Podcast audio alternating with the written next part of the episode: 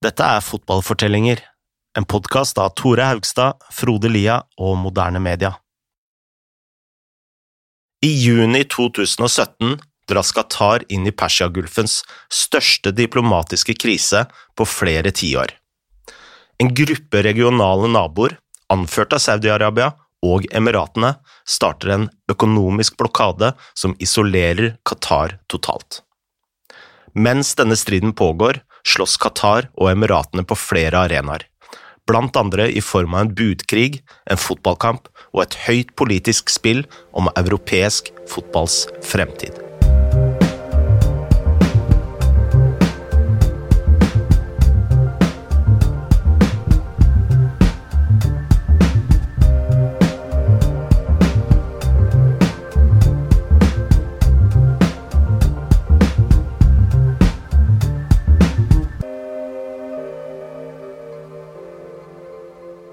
Blokaden i 2017 var en fullstendig krise for eh, Qatar. Om du finner fram et kart av Persiagulfen, så ser du at eh, svære Saudi-Arabia utgjør alle landegrensene til lille Qatar, som eh, ellers har selve Gulfen ved siden av seg. Sørover ligger Emiratene. Ja, så de er i praksis omringa av eh, fiender. Og uh, Da blokaden ble annonsert, så uh, utnytta Saudi-Arabia dette fullstendig. De stengte ned landegrensene, havnene og luftrommet for Qatar. De brøt av all handel og alle diplomatiske bånd, og de var ikke alene om dette. Med seg på laget så fikk de andre naboer som Egypt og Bahrain. Qatarske statsborgere fikk kun to uker på seg til å forlate Emiratene, Saudi-Arabia og Bahrain, så plutselig så sto lille Qatar nesten helt alene. Og selv om denne nyheten eh, kom som et eh, stort sjokk, lå det veldig mange faktorer bak. Vi har eh, snakket med Nils A. Butensjøen, som er professor ved Norsk senter for menneskerettigheter og har skrevet flere bøker om Midtøsten. Han fortalte oss om hvorfor denne blokaden oppsto. Det, ene er altså da en tradisjonell konflikt mellom de to herskefamiliene. Så, øh, og det skriver seg tilbake fra ja, 1800-tallet omtrent. Dette er jo personlige kongedømmer. Det er jo, det er jo det er familier øh, politiske systemer av en annen sort enn det vi er vant til å, å tenke på. Så her spiller eh, familierelasjoner, personlige relasjoner, eh, også en viktig rolle. Eh, og så har du liksom det mer strategiske knyttet til si, nasjonale interesser, øko økonomi, eh, diplomati. Eh, alt vi kan knytte også til eh, den arabiske våren altså de konfliktlinjene vi fikk den gangen. Eh, så det har jo Qatar stått i, i, vært en pådriver i kampen mot uh, muslimske brorskapet, som jo kom til makten ved demokratiske midler i Egypt. ikke sant? Uh, og, og, hvor Qatar var en viktig støttespiller for det muslimske brorskapet. Uh, Bl.a. ved at de dekket ja, gjennom Al Jazeera så dekket de jo eh, den arabiske våren på, på en, eh, en, måte som tillot muslimske brorskap å komme fram i arabiske media. Eh, Forente arabiske emirater sto på helt klart på den andre siden. Den arabiske våren var vi innom i vår sesong om Egypt, hvor vi så hvordan fotballfans spilte en aktiv rolle i å kaste ut diktatoren Hosni Mubarak tidlig i 2011. Vi husker også at en av de som kom til makta Egypt, i Egypt like etterpå, var Mohammed Morsi, som representerte det muslimske brorskapet. Og Selvfølgelig, det er veldig komplekst uh, hvilke muslimske organisasjoner som finnes i Midtøsten, men grovt sett da, så kan man si at Qatar støtter disse gruppene, mens Saudi-Arabia og Emiratene er sterkt imot. Disse forskjellene var tydelige både under og etter den arabiske våren. Qatar og Emiratene ga hjelp til ulike grupper i land som Tunisia, Libya og Egypt. Qatar sendte f.eks. flere milliarder dollar i lån til Morsi fra Det muslimske brorskapet. En annen viktig faktor var Al-Jazeera, som Qatar hadde bygd opp til å bli en slags arabisk BBC. Denne kringkasteren hadde enorm rekkevidde og innflytelse, både internasjonalt og i den arabiske verden. Og nå brukte Qatar Al-Jazeera til å gi en plattform til de islamistiske gruppene. I tillegg til dette hadde Al-Jazeera kommet med kritisk dekning av Qatars naboer, og da spesielt Saudi-Arabia. Så alt dette brygga opp til denne diplomatiske blokaden, og førte til den offisielle årsaken bak initiativet. Saudi-Arabia og gjengen anklager nemlig Qatar for å finansiere terrorisme i regionen, altså da via det muslimske brorskapet eller de muslimske organisasjonene. Saudi-Arabia lagde så ei liste med 13 krav som Qatar måtte innfri for at blokaden skulle ta slutt. Et av disse var å stenge ned Al-Jazeera. Et annet var å bryte alle bånd til muslimske grupper. Det Saudi-Arabia ikke nevnte, var den personlige rivaliseringen mellom familiene som Butenschøn var innom. De siste årene har vi jo blitt eh, kjent med Mohammed bin Salman, kronprinsen i Saudi-Arabia, som i praksis har eh, tatt over Newcastle. Ja, og Han var jo en, en, viktig skikkelse i denne blokaden, men dette var først og fremst en krig mellom emiren av Qatar, altså Tamim bin Hamad al-Thani, og kronprinsen av Abu Dhabi, altså Muhammed bin Sayed al-Nayan. Og Da vi snakka med Nicholas McGeehan, som har skrevet mye om denne rivaliseringa, så sa han at Qatars VM sannsynligvis spilte en rolle i denne blokaden. You know, the Gulf crisis is is is held up to be. Um, I mean, it's, it's a complex dispute between feuding monarchs, essentially feuding families. Um, but a lot of people say it has much to do with Qatar's um, Qatar's accommodation or Qatar's tolerance or Qatar's support for political Islam after the, the Arab Spring, and the, particularly the Emirati hatred of political Islam and its fear of political Islam. Um, and, and Saudi Arabia um, would be definitely more on the, the Emirati side of things. There are some people, you know, there are some people in the sort of academic think tank community who think that that, that much of it actually hinges from Emirati jealousy over Qatar winning the World Cup. Um, which, on the one hand, sounds preposterous, but I think don't discount pettiness from power hungry autocrats as a as a very sound reason for them to to wage war with one another.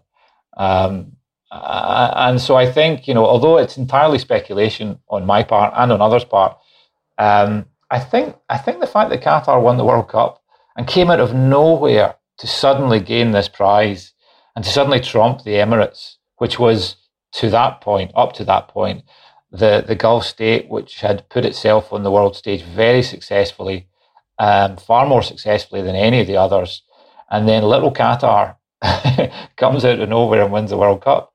Um, I think the the the harm to their pride was probably quite significant and the efforts that they've subsequently gone to have Qatar stripped of the World Cup um, would suggest that that yes, the the the, World Cup uh, is probably a significant dimension in this feud, um, which is quite you know quite remarkable consequences for for football as a whole. Siden denne striden er så personlig, spurte vi også McGeehan om hvor mye vi faktisk vet om Altani-familien i Qatar og Mohammed bin Sayed i Emiratene. Uh, we know quite a lot about Mohammed bin Zayed from from the UAE. Um, you know, we know that he's incredibly charismatic, uh, very bright, uh, very nationalistic, um, incredibly popular within his own country, uh, has cultivated, uh, I guess, a cult of personality around him as a as a fearsome but but grounded leader.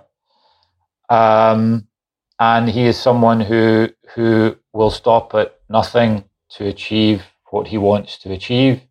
He has a, a rabid fear of political Islam and Iran, a hatred of Qatar and its ruling family, um, and um, and will stop at nothing to vanquish his foes. You know, he's probably the most. He's not the most powerful man in the Middle East. That's probably Mohammed bin Salman of Saudi Arabia, but he may well be the most influential man in the Middle East. Um, he's an incredibly dangerous person. Um, he is someone who is shifting the UAE's gaze away from the United States and towards China quite openly and quite gleefully. Um, he is attempting to herald in and to celebrate a sort of new dawn of an authoritarian world order. Um, you know, with surveillance states um, at the heart of that world order. I mean, he's a deeply, deeply dangerous and sinister individual. Um, and he's the man who ultimately is, is controlling Manchester City. Um, the Qataris, I think, are you know they're not really they're not really in the same league as as Mohammed bin Zayed. Um, you know the Al Thanis are um, you know they don't have the same ambitions as he does. Um, they are um, you know not as not as ruthless not as strategic, they're not as heavily involved in regional conflicts as he is. Certainly, in the case of the UAE, you're dealing with an extremely, extremely dangerous individual, um, and I, not not not just dangerous to people within his own country, but but dangerous to the to the region and, and to the world. I would say. Um, it's it's hard to make that argument in relation to, to Qatar. Qatar is a is a is a is a monarchy. It is a monarchy which is controlled by one family and other several powerful families um, it, it is not engaged in the same level of human rights abuses as um, as the UAE or Saudi. Um, it's more tolerant of free speech while not being a haven for free speech in any sense. Um, but it's yeah, it's not quite the rogue actor I would say that, that the UAE is. Although ironically, the UAE is continually trying to portray Qatar as uh, as, as a rogue actor in the region. Da blokaden eh, var i gang i 2017, økte det ikke bare rivaliseringen på diplomatisk og politisk nivå. Fem måneder senere skulle Leonardo da Vinci-maleriet Salvatore Mundi gå under hammeren på en auksjon i New York. Den antatte verdien var 100 millioner dollar. To av de interesserte partene var Saudi-Arabia og Emiratene. Men vi vet også at Qatar har investert tungt i kunst de siste 20 årene, eh, og at de har bygga et utrolig kunstmuseum i Doha. Så før auksjonen fikk både Saudi-Arabia og Emiratene vite, jeg vet ikke av hvem, men noen sa det, at Qatar visstnok også ville ha Salvatore Mundi. En god lekkasje der, altså. Veldig strategisk lekkasje.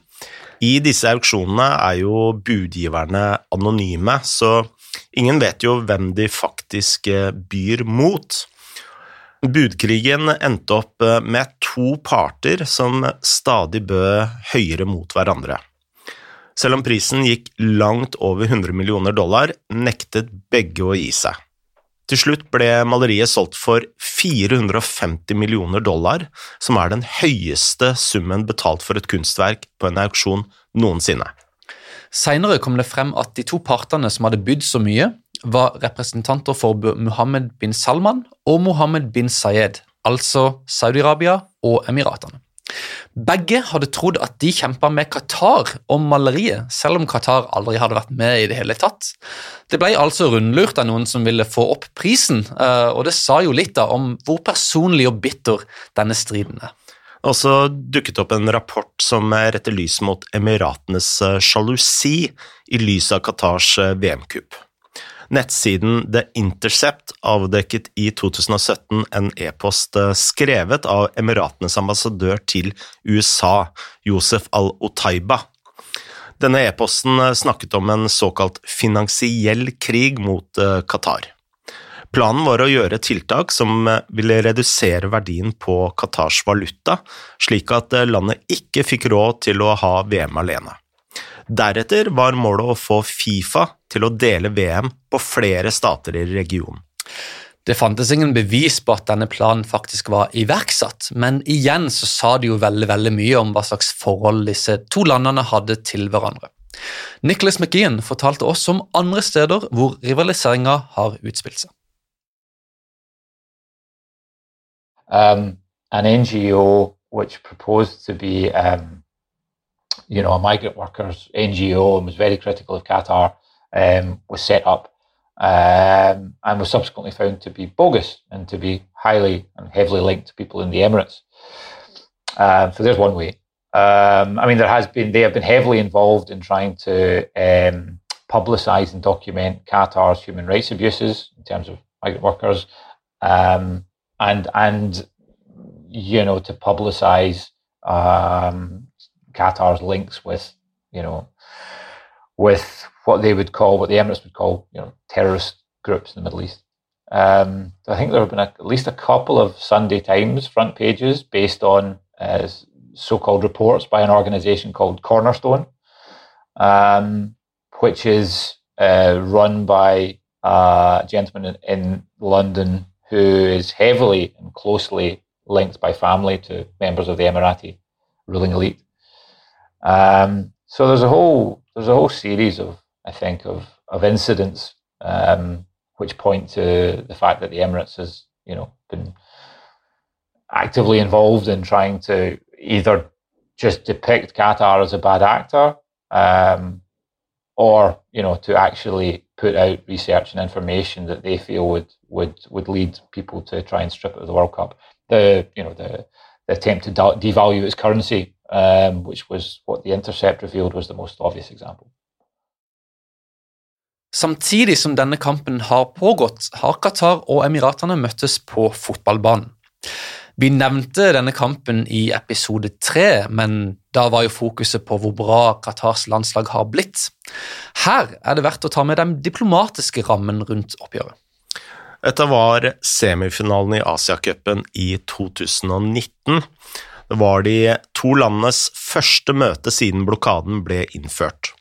Og hele turneringen ble arrangert i Emiratene.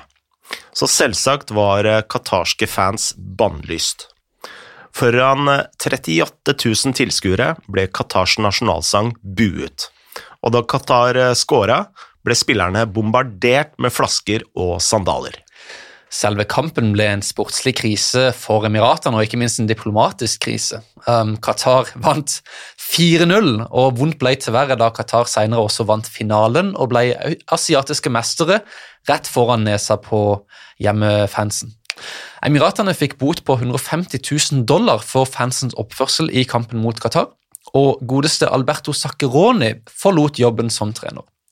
Om Qatar hadde rundlurt Emiratene i kunstauksjonen, så kom det igjen ut som vinnerne her. Det samme skulle skje med selve blokaden. Så fort de innså at de var i krise, kastet Qatar penger på de økonomiske og logistiske problemene da de f.eks. gikk tom for melk, som pleide å komme fra Saudi-Arabia, fløy de inn 4000 kuer. De la også politisk press på naboene.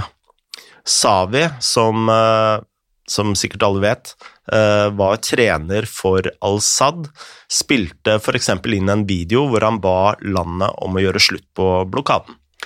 Hvor mye dette hadde å si, er usikkert, men eh, Emiratene og Saudi-Arabia sleit uansett med å få internasjonal støtte for sin blokade. I januar 2021 endte blokaden uten at Qatar hadde innfridd de 13 kravene. Butenschøn hadde dette å si om hvorfor Saudi-Arabia og Emiratene mislyktes. De mislyktes fordi ja, Qatar var flink til å spille sine kort, og de, eh, det er jo også det, ikke minst, at eh, dette var eh, mot USAs interesser. Fordi um, uh, USAs kommandosentral for Persia-bukta ligger jo i Qatar. Så, så, USA forsøkte også da å, å, å, å finne en måte å, forene sine allierte i Persiabukta, som altså øh, øh, både Qatar og, og Saudi-Arabia. Sånn at derfor ble ikke denne totale kampanjen mot Qatar ble, ble ikke vellykket. Og de klarte heller ikke å stenge ned Al Jazeera, som var et av de hovedkravene. Så, så det, det, det, var en meget alvorlig situasjon, men den er altså nå da Nå har, nå har de diplomatiske forbindelsene gjenopprettet. Så, så på en måte så har de funnet en eller annen balanse i situasjonen igjen. Da vi hørte Nicholas omtale de to kongefamiliene, var det tydelig at Qatar var underdogen her. Vi nevnte for Nicholas at vi syntes det var litt spesielt hvor ofte lille Qatar hadde trukket det lengste strået i kampen mot sine større naboer. Yeah, it is. It, me too. You know, it, it's remarkable because for, for years, what we've been talking about in relation to let's let's let's basically call it UAE Qatar. Yeah, I mean the UAE sucked Saudi into it. I mean it was Mohammed bin Zayed who sold Mohammed bin Salman to the Americans, and you could argue got him in power. Um, but but and they're on their side now. But but really, it's it's Qatar UAE, I would say. Um, and for years, you know, it was the UAE that was super professional in all aspects of its foreign policy and the way at which it batted away domestic criticism or international criticism. Um, and they did this in a really deeply sinister but very professional and well organized way. And Qatar was a bit more all over the place. Qatar was a bit more cack handed and sort of rumbling from crisis to crisis and not quite knowing how to handle any of them. Um, with the World Cup and migrant workers being a prime example. And then the Gulf crisis happened.